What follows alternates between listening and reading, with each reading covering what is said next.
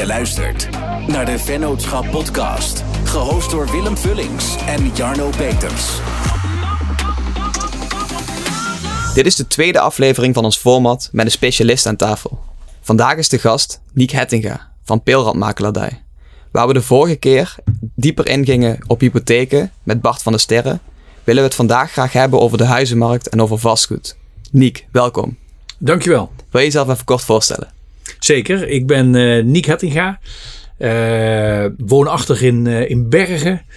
Met mijn vrouw en twee kindjes. ik ben samen met Luc eigenaar van Peelrandmakelaardij in Venray. Venray, ons hoofdkantoor, Bergen, de nevenvestiging.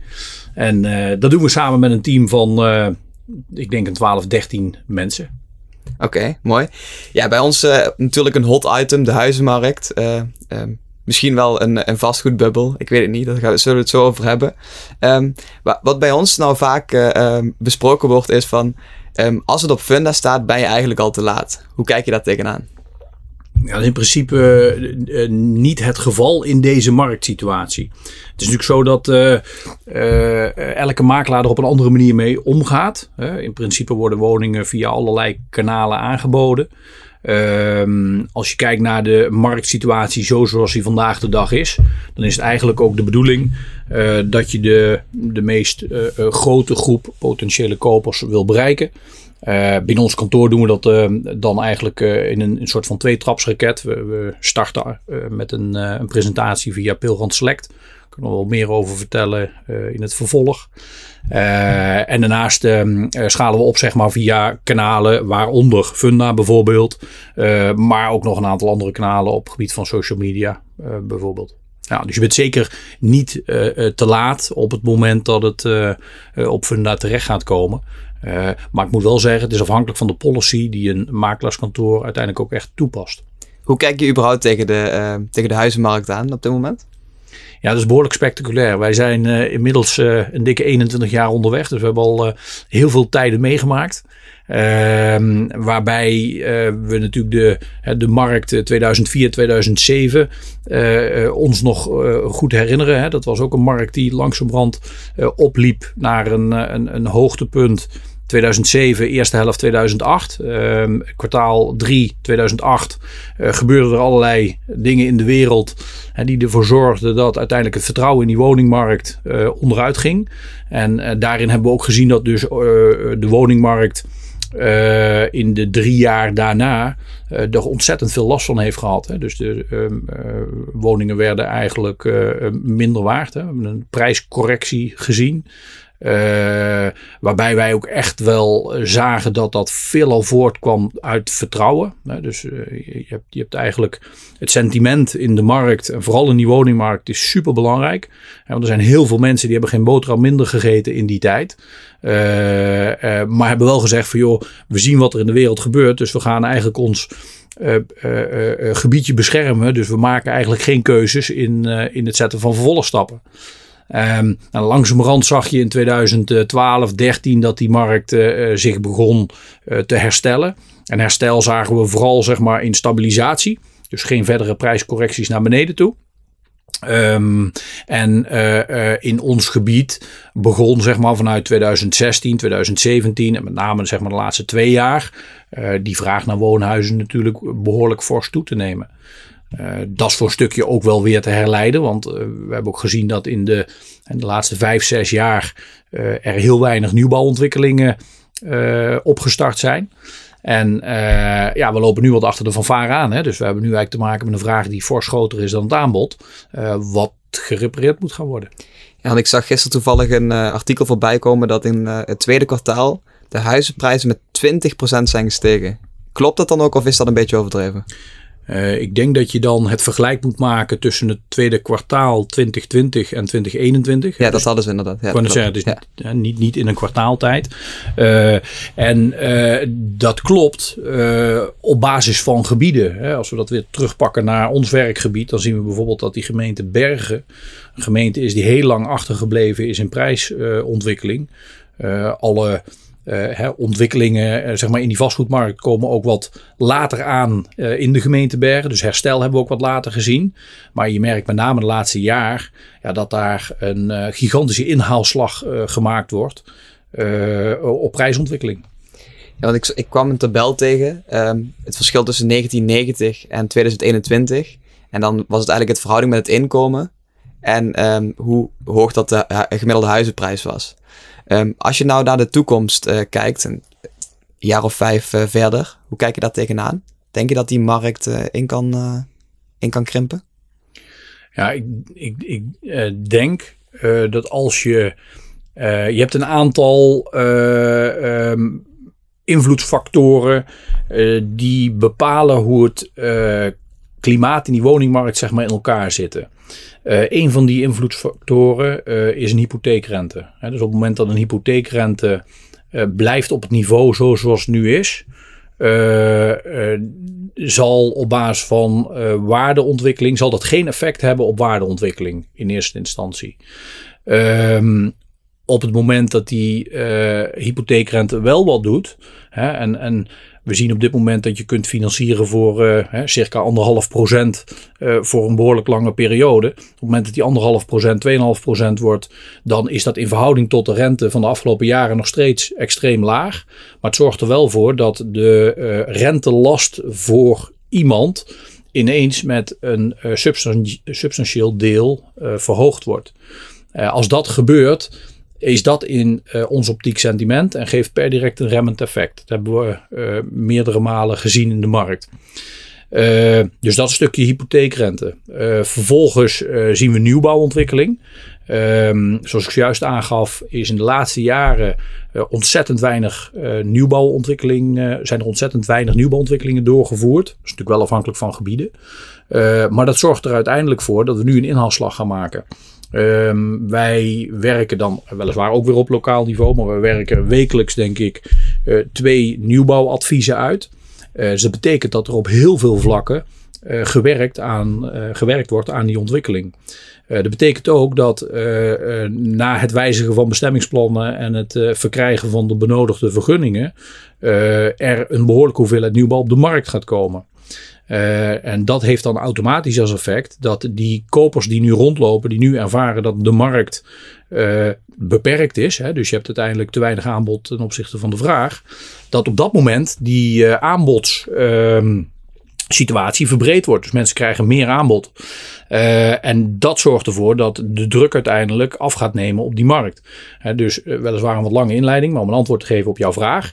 Als je kijkt naar de invloedsfactoren op termijn, ja, dan, dan kan het bijna niet anders dat uh, de, uh, de gekte, zo noem ik het, waar we nu in zitten, langzamerhand dan wel wat af gaat nemen. Mm -hmm. En dat is geen ontwikkeling die te verwachten is voor de komende uh, maanden. Hè, maar als je het vooral hebt over een, een proces wat zeg maar na een jaar en verder ligt, ja, is dat in, in onze optiek met een gezond portie boerenverstand wel de ontwikkeling. Ja, want als je naar de gekte kijkt, hoe kijk je op dit moment tegen het overbieden aan? Ja, overbieden is uiteindelijk ook uh, een, een, uh, niet anders dan een marktwerking. Ja. Uh, je merkt ook dat je als makelaars zijnde niet anders kunt als het proces op deze manier begeleiden. Ehm, dus het is vooral van belang dat dat heel duidelijk en heel transparant gebeurt. Hè? Als je naar de procesgang kijkt, dan, dan zijn wij als makelaars op dit moment veel meer bezig met procesmanagement van die trajecten. Eh, dan het daadwerkelijk verkopen van een woning. Kijk, een woning in deze markt wordt eigenlijk altijd verkocht. Daar mag eigenlijk geen probleem liggen. Uh, maar waar ligt op dit moment met name het belang van de makelaar? Dat is eigenlijk um, resultaatoptimalisatie. Hè? Dus uiteindelijk tegen de beste condities een transactie tot stand brengen. maar daarnaast ook het managen van het proces. we zien op dit moment dat er gemiddeld ik denk uh, uh, 15 tot 30 bezichtigingen gepland worden op een plek.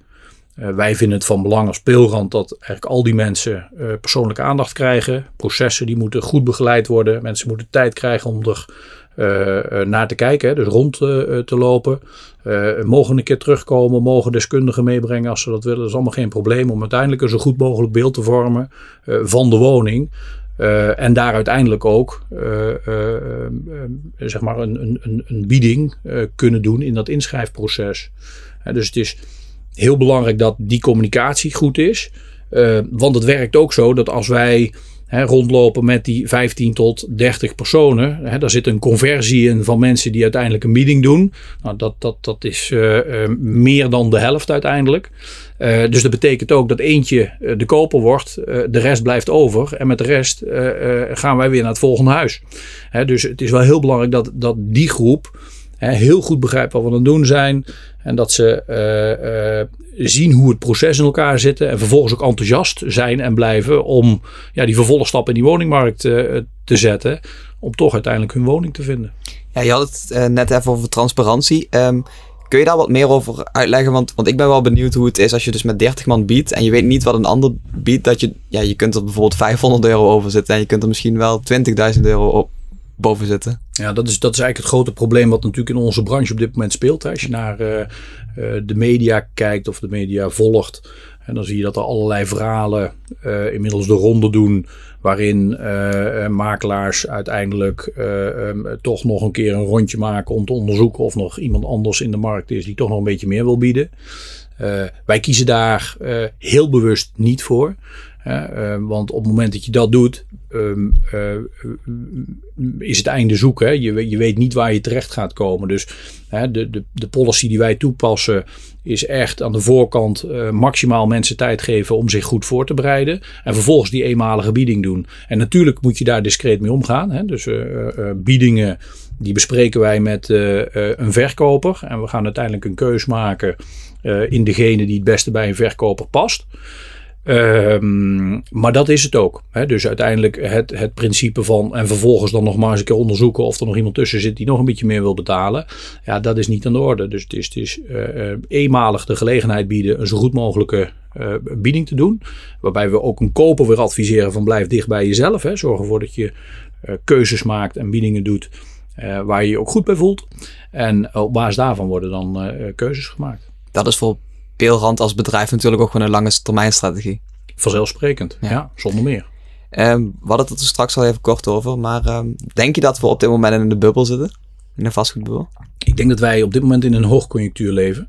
Uh, dus dat betekent eigenlijk dat je uh, ziet dat uh, er bijzondere, bijzondere dingen gebeuren. Um, bijzondere dingen bedoel ik dan vooral op het vlak van, van de inschrijfprocedures en de vraag naar woonhuizen op een adres. dat, dat, dat zien we op de werkvloer, hè, dus tijdens bezichtigingen, maar halen we ook uit data. Dus uiteindelijk krapte indicatoren die zeggen wat over het aantal mensen wat geïnteresseerd is in één, één woning. om je een beeld te geven, uh, in 2012, dat was zo'n beetje het dieptepunt van de crisis, had één koper in Venray keuze uit 23 woningen gemiddeld. En uh, op dit moment uh, is dat ongeveer omgekeerd. Ja, nou net niet helemaal. Maar nu zijn er dus zeg maar 20 mensen geïnteresseerd in één adres. dus, dus dat zegt iets over die ontwikkeling van die laatste 8, 9 jaar. In het nieuws en in de media wordt best wel veel angst gecreëerd voor starters. Um, is dat terecht? Ik denk dat dat uh, niet uh, terecht is. Um, kijk, uiteindelijk een starter wil ook graag ergens gaan wonen.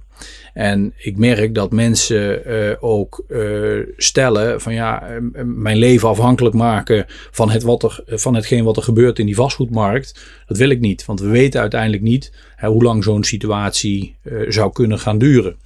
Uh, maar wat wel heel belangrijk is, is dat je natuurlijk verantwoorde keuzes maakt. Hè? Dus de mensen die uiteindelijk zeggen van ik ben geïnteresseerd in een woning en ik wil daar ook een, uh, een, een, ik wil een bieding gaan doen. Hè? Dus ik ga mee in de, in de inschrijfprocedure. Ehm, uh, daarin is het wel van belang dat je natuurlijk uh, goed uh, onderzoekt op welke manier je stappen zet. Want je moet je natuurlijk voorstellen dat op het moment dat je een bieding doet en je koopt een woning, ja, dan, dan ligt daar een hypotheek onder. Er wordt wellicht een stukje eigen vermogen ingebracht. het is wel van belang dat die hele financieringsstructuur goed past bij de manier waarop je wil leven. En niet alleen vandaag, maar ook over bijvoorbeeld twee jaar. Of over het moment dat er, dat er uh, kindjes komen binnen een gezin. Hè. Dus dat zijn wel zaken die daarbij horen. Vorige keer hebben we het ook aan Van de Mortel gevraagd, maar dat wil ik ook graag aan jou vragen. Ehm, zou je de hele, uh, het hele traject eens uit kunnen leggen, kort? Hoe dat over het algemeen gaat? Bedoel je dat als, uh, als, als koper, neem ik aan? Ja. Ja, in principe is het zo dat als wij een uh, woning te koop aanbieden, dan hebben mensen de gelegenheid om een afspraak te maken om, uh, om die woning te gaan bekijken. Uh, er wordt een afspraak gemaakt. Die afspraken die vinden ook dan, dan plaats. Hè. Dus daar gaan we één op één met mensen aan de slag. dat betekent dat we dan drie kwartier tot een uurtje door een woning lopen. Uh, onze makelaars geven een toelichting hoe dat de woning in elkaar zit. En uh, ja, er wordt met name ook een gesprek gevoerd hoe de wens van zo'n koper in elkaar zit. dan hebben mensen een eerste indruk, krijgen de gelegenheid om nog een keer terug te komen. Ehm, en dan heb ik het vooral nu over die inschrijfprocedures. Hè, want dat is, dat is met name het. dat zien we vandaag de dag meer als regelmaat dan uitzondering. Um, dan is zeg maar in die, in die tussentijd ook het verkoopproces uh, volledig uh, bekend en wordt vastgelegd. Dus dan wordt er ook een einddatum uh, gesteld. doorgaans ligt die een 2,5 week na het moment dat we beginnen aan een proces. om in die 2,5 week ook de groep van geïnteresseerden te ontvangen. Uh, ook die groep van geïnteresseerden, uh, die wordt niet gelimiteerd. Hè? Dus dat betekent dat mensen uiteindelijk um, uh, allemaal mogen komen. Hè, zijn het er 15, dan zijn het er 15. Maar zijn het er 40, dan zijn het er ook 40. Hè? Dus wij leggen daar geen, geen plafond in.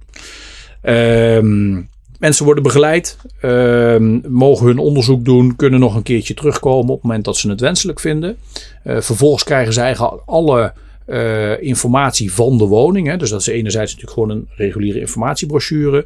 Maar daar horen ook vragenlijsten bij. Dus dat betekent eigenlijk dat uh, kopers tot op detail geïnformeerd worden over de staat van een woning. Uh, daarin worden zelfs de, de kapotte lampjes van een afzuigkap in omschreven, bij wijze van spreken, als dat zo is. om eigenlijk mensen exact te vertellen uh, waar ze vanuit zouden moeten gaan. Al die informatie heb je nodig om uiteindelijk ook tot een goede bieding te komen. Hè. Dus wij vinden het van belang dat aan de voorkant uh, uh, alle data op bouwkundig vlak, meetrapporten, energielabels, al die informatie die hoort bij geïnteresseerden terecht te komen. En met die informatie kunnen mensen aan de slag. Nou, op het moment dat mensen zeggen van daar hebben we een goed gevoel bij en we willen graag een bieding gaan doen, dan ontvangen ze van ons biedingsformulieren. Dus ook echt het idee om een eenmalige bieding te doen. Hè, dus een eenmalig beste bieding. Uh, er worden ook de voorwaarden in omschreven. Dus het is niet alleen een koopsom die je wil betalen. Maar het is uiteindelijk ook uh, uh, een voorbehoud voor bijvoorbeeld het verkrijgen van een financiering. Of een voorbehoud om nog een keer met een bouwkundige rond te lopen. Om te onderzoeken of er bouwtechnische aandachtspunten zijn. dus dat soort zaken kunnen mensen omschrijven. Nou, uiteindelijk gaan we met die informatie naar een verkoper. We bespreken dat met verkoper. Er wordt een keus gemaakt. En uh, de keus die gemaakt wordt, dat is dan uiteindelijk de koper.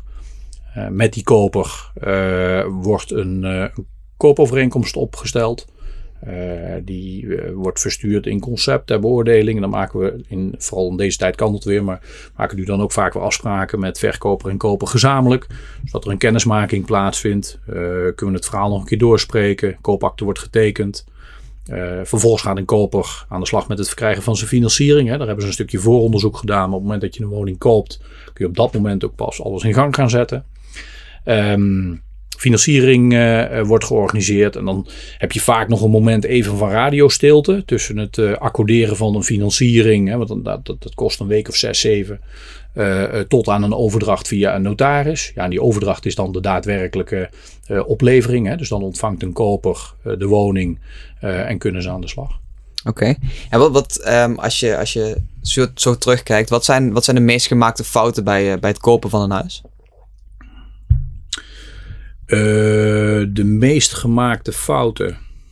Um, ik denk dat uh, um, als je kijkt naar een koper uh, dan uh, uh, kan het zo zijn dat mensen in sommige gevallen misschien een verbouwing of een aanpassing ja, minder problematisch of, of minder groots ervaren als dat die daadwerkelijk is. Hè. Dus het kan zo zijn dat iemand zegt van oh joh, even een keukentje vervangen. Alleen het is vaak niet alleen dat keukentje vervangen. Want in die keuken zit elektriciteit. Die elektriciteit moet verlegd worden. Er moet een loodgieter komen. Die gaat een afvoer verleggen. Ineens haal je een keuken weg en dan zie je dat de vloer niet doorloopt. Dus een stukje vloer moet aangeheeld worden. Dus, dus dat zijn denk ik de, de zaken waar mensen mee te maken hebben. Uh, op het moment dat ze eigenaar worden van een woning. Hè, dus dat, dat, dat, dat uh, beluisteren we uh, daarin nog wel eens. Anderzijds, ja, weet je, je, je, hebt wel de gelegenheid aan de voorkant om dat ook goed te onderzoeken. En, en wij proberen daar natuurlijk ook wel advies in te geven. Van, joh, als je dit gaat doen, hou rekening mee dat dat, dat dat een consequentie zou kunnen zijn uiteindelijk. Oké. Um, op het begin hadden we het er al even over. Wat is de reden dat jullie een eigen app ontwikkeld hebben? Um, dat is wel leuk dat je dat vraagt. Uh, wij zien in onze branche dat heel veel makelaars hetzelfde doen. He, dus uiteindelijk, uh, um, gemiddeld makelaarskantoor in Nederland uh, bestaat uit 1 tot anderhalve kracht. worden gefaciliteerd vanuit allerlei CRM-systemen. dus sites en brochures lijken allemaal heel erg veel op elkaar. Nou, wij houden er wel van om het net even anders te doen. Um, samen met mijn Kompion Luc eh, ben ik een paar jaar geleden in Amerika geweest, in New York. Uh, Real Estate Connect. Dat is eigenlijk de meest toonaangevende vastgoedbeurs. En dan met name specialisme uh, makelaardij. En daar werden we geïnspireerd in het aan elkaar verbinden van data. Um, wij vinden, of ons, onze, uh, het idee eigenlijk, uh, ontstond uh, dat op het moment dat wij een potentiële woningkoper zouden wil, willen voorzien in een pre-sale stadium, dus eigenlijk in een soort van voorbereidingsfase, wat er te koop gaat komen via ons kantoor. Uh, op het moment dat mensen zeg maar, die informatie zouden willen hebben, want daar zijn mensen geïnteresseerd, dan vragen wij eigenlijk aan die mensen uh, wie ze zijn en waar ze naar op zoek zijn. Dus we verzamelen eigenlijk data van mensen die geïnteresseerd zijn in woningen in de lokale markt. dat heeft twee voordelen. Aan de ene kant is het zo dat uh, de mensen die een, uh, een, een, lidmaatschap hebben van Pilrand Select uh, dat pre-sale aanbod ervaren en daardoor eigenlijk ook een afspraak kunnen gaan maken. voor het plannen van bezichtigingen. Dus hebben we eigenlijk per direct in de gaten wat er gebeurt. 24-7. het heeft voor ons als makelaars een voordeel dat wij in de markt natuurlijk heel vaak uh, uh, de opmerking krijgen: joh, als je dat huis, uh, als je een huis hebt wat voldoet aan die kenmerken, hè, geef me dan eens een belletje. Nou, nu kun je eigenlijk al die mensen verwijzen naar onze Pilgrim Select app en iedereen is dus altijd maximaal op de hoogte. maar aan de andere kant, en dat is voor ons een hele belangrijke. Door het verzamelen van die data hebben wij een heel goed beeld waar mensen naar op zoek zijn. En dat heeft vervolgens weer te maken met een acquisitietool. Hè, want wij geven natuurlijk uh, advies op het moment dat iemand een woning wil gaan verkopen. Uh, daarin bepalen we natuurlijk ook een prijs. En wij zien vanuit onze database hoe groot een groep is voor een bepaald type woonhuis. Nou, die informatie die is van wezenlijk belang voor het um, vormen van een goed verkoopadvies. Um, dus, dus dat is eigenlijk tweeledig het idee. Um, waar we nu mee bezig zijn, dat is eigenlijk uh, de meest. Uh, de, we zijn bezig met een nieuwe versie, er komt een nieuwe release. en daar komt nog een aanvullend onderdeel in. En het aanvullend onderdeel wordt eigenlijk niet alleen, zoals ik juist aangaf, we brengen de, de, de zoekwens van die uh, uh, van die zoeker echt maar in kaart. Hè. Dus die data hebben we. Maar we gaan nu ook omschrijven in wat voor woning zij wonen.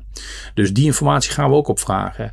En uh, met die gegevens kan het zo zijn dat we eigenlijk um, connecties kunnen gaan maken met uh, mensen die in, in het bestand staan. Voor je beeldvorming, Pilrond Select heeft op dit moment, ik denk, een 6 tot 7000 leden. Uh, we hebben ongeveer 25.000 uh, views per dag. Dus uh, aantallen mensen die de app openen en kijken of er nog wat nieuws bijgekomen is. Dus wij, en wij weten dat 80% van de verhuisbewegingen ligt binnen ons werkgebied. Uh, dus wij uh, zijn van mening dat als we dit op een goede manier uh, automatiseren, er mensen zijn die een zoekwens hebben op dit moment, die niet actief op de markt zijn, omdat ze eigenlijk zien dat die, die krapte er ligt en mensen zeggen van joh, ik wacht wel een paar jaar en op het moment dat er wat meer aanbod is, dan meld ik me wel. Kijk, op het moment dat wij die gegevens in kaart hebben, dan kan het zo zijn dat we aan de andere kant iemand anders uh, in het systeem hebben zitten. Uh, met die woning die op dezelfde stoel zit te wachten. Kijk, en als wij uh, die mensen aan elkaar kunnen gaan verbinden.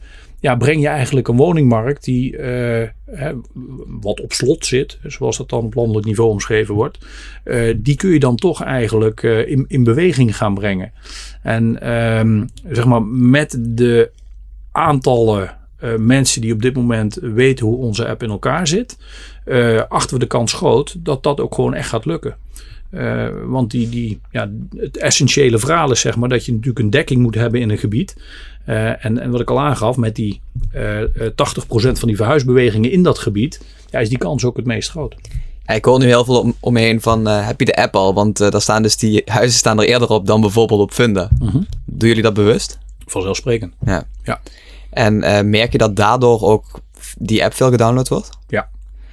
Um, en dan moet ik wel zeggen, het was natuurlijk zo, die app die hebben wij uh, ontwikkeld. Een, uh, inmiddels denk ik een 3,5 jaar geleden is hij live gegaan. Toen had het vooral te maken met zeg maar pre-sale communiceren. Hè, dus mensen informeren over nieuw te koop komend aanbod. Uh, toen hebben we ook een periode meegemaakt dat uh, um, ik denk misschien wel 30% van de woningen verkocht werd via Peelrand Select. En vandaag de dag zien we dat ook die overige tools er wel bij horen. Omdat er een, ja, een soort van waterbedeffect ontstaat in onze regio. En daarmee bedoel ik dat het zoekgebied zeg maar, voor mensen uit Eindhoven um, verbreed wordt richting het oosten. En, en dat zien we ook zeg maar, vanuit die Nijmeegse kant.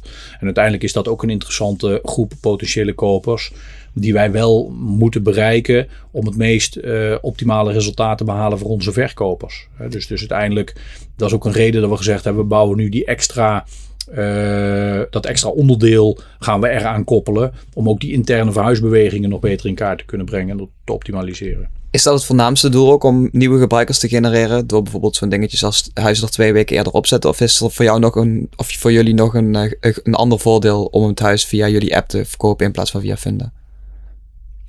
Nou, het is niet zozeer dat het, dat het uh, een voordeel is om de woning te verkopen via de app. Uh, het is uh, veel meer mensen aan de voorkant informeren over nieuw te koop komend aanbod, enerzijds. En aan de andere kant voor ons data die wij kunnen gebruiken om advisering te optimaliseren. Zijn er naast jullie app en naast Funda ook nog andere manieren om op zoek te gaan naar een huis?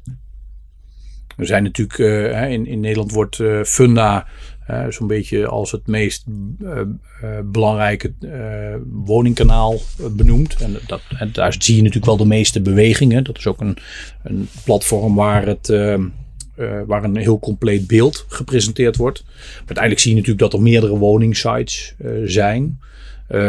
maar daarnaast zien wij dat social media ook wel een hele belangrijke is. dus, dus voor ons is het wel van belang dat er ook een groep latente woningzoekenden rondloopt in het land. En uh, vooral die latente groep, die kun je bereiken via uh, de social uh, systemen. en, en als voorbeeld bijvoorbeeld, we zien natuurlijk dat we in onze regio veel plekjes hebben die mooi in het groen liggen. Um, er zijn mensen die wel een bepaalde verhuisbehoefte hebben, en nog niet concreet tot actie overgaan. En op het moment dat je dat op een slimme manier kunt doen en je kunt bijvoorbeeld via Facebook in een tijdslijn een presentatie van het object voorbij laten komen, omdat mensen uh, geïnteresseerd zijn in, in hobby in een tuin, in het groen wonen, wandelen, nou, noem maar op. Dan zijn dat wel hele leuke tools die je ja, die toe kunt passen en die ook gewoon werken. Zijn er op dit moment mensen die voor jullie kiezen als aankoopmakelaar? dat komt voor. Ehm, wij zijn wel echt een verkoop ingesteld kantoor. Hè. Dus onze, ons specialisme ligt echt op het verkoopvlak. Heeft ook te maken met het feit dat wij uh, binnen ons werkgebied uh, een vrij uh, groot marktaandeel hebben. Dus daardoor ja, ben je automatisch meer verkoper dan aankoper. maar het komt voor. Er zijn mensen die het plezierig vinden hè, om toch even te sparren over van hoe moet je nu omgaan met, ehm, Ehm, met, met het aankopen van een woning. Welke stapjes moet ik zetten? Zijn er zaken die ik, uh, die ik niet moet missen? Dus uh, daar sparren we graag met mensen over, geven mensen ook advies over. Uh, het is niet zo, zoals je in een randstad veel ziet, dat je een aankoopmakelaar in de arm moet nemen om überhaupt binnen te komen. Dus er zijn gebieden waar je zonder aankoopmakelaar geen kans krijgt tot aankoop van een woning. Nou, dat, dat, dat, dat, is in onze beleving, kan dat natuurlijk niet. Hè. Mensen moeten daar eh, zelf keuzes in maken. En er zijn genoeg mensen die zijn capabel genoeg om die keuzes ook echt te maken. Ehm, eh, dus die mensen die, eh, die leg je uit hoe een woning in elkaar zit. En ja, weet je, uiteindelijk zit dan die informatieverstrekking goed in elkaar. En dan daarvan kunnen mensen ook keuzes maken. Waarom is dat in een stad wel noodzakelijk? Ja, dat is een, een, een systeem wat ontstaan is. En ik denk dat dat enerzijds te maken heeft met misschien de nog grotere krapte in die markt. Uh, en anderzijds uh, het ook voortkomt uit samenwerkingen die zeg maar binnen makelaarskringen tot stand gekomen zijn. waarbij eigenlijk gezegd wordt van ja, je hebt verkoopmakelaars en aankoopmakelaars. En, en om ervoor te zorgen dat dan in ieder wat te doen heeft, wordt er een soort van verplichting gelegd van dan vinden we ook dat bij een aankoopsituatie er minimaal een aankoopmakelaar ingeschakeld moet worden. Oké. Ja. We hebben net even gehad over het kopen van een huis. Ik even wat verder ingaan op het verkopen van een huis? Ja. Um, hoe gaat het taxeren van een woning in zijn werk? Het uh, taxeren van een woning is eigenlijk uh, een, een, een, onderdeel in het uh, traject. Um, zoals ik vertelde, op het moment dat een, een woning gekocht wordt door iemand, dan ga je aan de slag met het verkrijgen van je financiering. een geldverstrekker die wil graag Ehm, eh, een stukje zekerheid hebben dat het geld wat zeg maar verstrekt wordt in de vorm van een hypotheek uh, overeenkomt met de waarde van een woning. dus uh, dat is met name vanuit risico-oogpunt. Gaat er iets mis aan de kant van een huiseigenaar in het betalen van zijn hypotheek, ja, dan heeft een hypotheekverstrekker uh, in principe de mogelijkheid om een woning te verkopen. Ja, dan wil je natuurlijk als geldverstrekker wel weten dat de centen die verstrekt zijn enigszins overeenkomen met de waarde op dat moment. dus dat is eigenlijk de rol van een taxateur op dat moment. Die taxateur heeft altijd een onafhankelijke uh, rol. Dus uh, betekent in principe dat je hebt een verkoopmakelaar. Op het moment dat er een aankoopmakelaar ingeschakeld wordt die dat traject begeleidt, dan is dat ook een rol. En vervolgens is een taxateur weer een andere rol. Dus dan heb je drie onafhankelijk van elkaar werkende uh, bureaus of personen. Uh, die taxateur die bezoekt het huis, maakt een, een ronde, inspecteert het huis via het, het NRVT, dat is eigenlijk het register voor taxateurs. zijn er een aantal aangescherpte eisen inmiddels, waardoor we gaan werken met een nieuw rapport. In dat nieuwe rapport wordt er ook iets verteld over de onderhoudstatus van een woning. Dus dat betekent dat wij ook adviezen gaan geven uh, en kostenindicaties uh, uh, gaan geven als taxateurs ehm, op het gebied van verschillende onderdelen in de woning. Um, nou, daar komt uiteindelijk een waardering uit. En dat rapport dat komt bij een geldverstrekker terecht. En dat wordt dan gebruikt als onderlegger voor het verkrijgen van een hypotheek. Vind je het momenteel slim om een huis te verkopen met overwaarde? Terwijl dat lastig is om aan een nieuwe te komen? Dat is sterk afhankelijk van de wens van iemand. Kijk, wij komen nog steeds mensen tegen die zeggen van wij willen onze woning eerst verkopen. Uh, en, en pas uh, uh, op het moment dat dat verkocht is, wat anders aankopen. Maar dan creëer je natuurlijk altijd een risico dat als je niets vindt in die periode, ja, dan moet je tussentijds ergens overbruggen. Dus dat betekent dat je ergens wat moet gaan huren tot het moment dat je wat gekocht hebt. Ja, en dan pas kun je over. dus dus um, dat is natuurlijk een, een volgorde die wij uh, alleen maar tegenkwamen tussen 2010 en 2016. Uh, eh, vanaf 2017 zie je langzamerhand dat er weer mensen tussen zitten die zeggen van ja, maar ik kom nu een leuk huis tegen. Ik durf het eigenlijk best wel aan te kopen. En ik ga daarna pas aan de slag met de verkoop van mijn eigen woning. Dus dan zorg je er in ieder geval voor dat dat netjes op elkaar aansluit. Je hebt geen risico's dat je tussentijds uh, huisvesting moet organiseren. Maar je hebt wel een risico dat als je eigenaar wordt van een nieuwe huis en je oude woning is niet verkocht ja, dan moet je op zoek naar een overbrugging. En die overbrugging is een financiering. En die financiering zorgt in feite voor een dubbele huisvestingslast. En dat moet wel te doen zijn. Daar moet je ook goed over nadenken. Uh, ons advies is, doe dat ook echt uh, op basis van feiten. Hè? Dus altijd in overleg met een hypotheekverstrekker om te bepalen van hoe ziet zo'n traject er nou uit als dat ineens een half jaar, een jaar of mogelijk twee jaar duurt. want dat zorgt ervoor dat je overzicht hebt en overzicht zorgt voor rust en uiteindelijk voorkomt dat slapeloze nachten. Ook hier ben ik wel benieuwd naar de meest gemaakte fouten bij het verkopen van een huis. De meest gemaakte fout is natuurlijk het, het niet inschakelen van een goede makelaar dus daar, uh, daar ligt een basis. Um, vooral in deze markt. Hè, wij komen mensen tegen die zeggen van joh, uh, ik heb een woning uh, verkocht. En dan kom je dan binnen als taxateur. Hè, dan heb je de rol om een taxatie te maken. Ja, dan zien wij in sommige gevallen verkoopprijzen waarbij je zegt van ja, dat had in deze markt uh, echt anders kunnen zijn als je daar een goed verkoopplan onder zou liggen, leggen. dus dus um, in mijn optiek is in deze marktsituatie het inwinnen van een uh, goed stuk verkoopadvies um, en je laten informeren hoe dat een verkoopproces eruit zou kunnen komen te zien, om als verkoper te streven naar een ja, zo optimaal mogelijk resultaat. Want je hebt immers als verkoper dat resultaat ook weer nodig om die vervolgstap te kunnen zetten. Um, ja, waarschijnlijk zou jij sowieso niet zeggen dat het slim is, maar denk je dat in deze markt dat je het ook zelf kunt verkopen? Wat vind je daarvan? Ja, dat, is, precies wat ik net uh, eigenlijk benoemd. Hè. Dus uiteindelijk, ik denk dat dat uh, zeker niet slim is. Uh, op basis van een aantal argumenten. Um, het hele communicatieproces rondom een woning in een verkoopperiode is gigantisch intensief. Ehm, ik denk dat je als, als uh, leek, uh, niet zozeer leek, maar als woningeigenaar heel snel in de emotie terechtkomt. Hè, en uiteindelijk uh, verwachtingen schept naar mensen die komen kijken, die je vervolgens niet nakom kom, kunt komen, omdat er iemand anders is hè, die daar ehm, die een situatie zou kunnen creëren waar je zelf weer niet onderuit kunt komen. Dus wij merken dat um, communicatie uh, superbelangrijk is in deze markt. Dat is altijd, maar vooral in deze markt. dus het managen van de verwachting van iemand die komt kijken, is uh, op dit moment eigenlijk het allerbelangrijkste in dat proces. Uh, daarnaast is het zo praktisch, op het moment dat je een woning te koop aanbiedt en wij krijgen wat ik al zei, tussen die 15 en, die, uh, en, en, en in sommige gevallen 40 bezichtigingsaanvragen, waar er ook nog een groep is die graag nog een tweede keer wil komen kijken. Ja, dat moet je ook allemaal maar in kunnen passen. Hè. Mensen zijn in, in het, over het algemeen aan het werk, uh, uh, hebben kindjes rondlopen. nou ja, het, het managen van al die afspraken, dat is ook nog een aardige uitdaging. Uh, dat is meer de praktische invulling, maar vooral het communicatiestuk. En ervoor zorgen dat elke potentiële koper op de juiste manier begeleid wordt en dat die maximaal vertrouwen heeft in het proces. wat je als makelaar zijnde zeg maar organiseert. Dat is cruciaal om ook uh, bij inschrijfprocedures naar een optimaal resultaat te streven. Op het moment dat iemand geen vertrouwen heeft in de procedure, kan het huis nog zo mooi zijn. Maar dan merken wij dat mensen zeggen boek gaat dicht, daar hebben we geen interesse in. In, uh, in dat, uh, noem het spel, gaan we niet mee.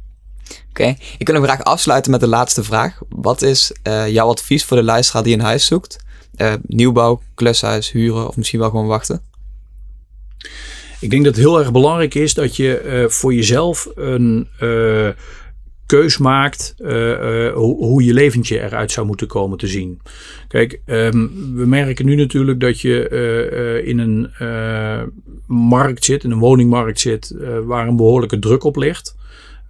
op het moment dat je een leuk huis kunt vinden en je voelt je goed bij de manier waarop je het aan kunt kopen, uh, dan is dat uh, in, in uh, onze optiek prima om te doen. Hè? Dan kun je daar plezier beleven en kun je vervolgstappen zetten. Ehm, iemand die op dit moment zelf de wens heeft om te verkopen. Ja, weet dat je op dit moment in een woningmarkt leeft die we nog niet gekend hebben in, in, in de afgelopen decennia dus dus uh, wil je stappen zetten, nou, dan zijn dit in ieder geval wel de momenten om goed te onderzoeken hoe je stappen zou moeten zetten. Ehm ja, en als je het dan hebt over kluswoningen uh, uh, of anderszins, dat is natuurlijk sterk afhankelijk bij, um, waar, waar je sterk afhankelijk van je eigen wens. Hè? Dus op het moment dat je zegt van joh, ik, ik, ik heb de interesse om een woning op te knappen, ja, dan is het goed om daarnaar te kijken. belangrijk detail is daarin natuurlijk ook weer het financieringstukje. Je merkt ook dat als, als je een woning tegenkomt waar voor 75.000 euro verbouwd moet worden, dat het niet zo is dat je die 75.000 euro ook zomaar weer bij een bank op kunt halen. Hè? Dus daar wordt dan toch een stukje eigen inbreng uh, verlangd uiteindelijk. Oké. Dat was hem. Dankjewel voor je komst. Ja, hartstikke leuk. Mooi. Bedankt voor het luisteren naar de Vennootschap podcast. En vergeet niet te abonneren op Spotify en Apple Podcasts.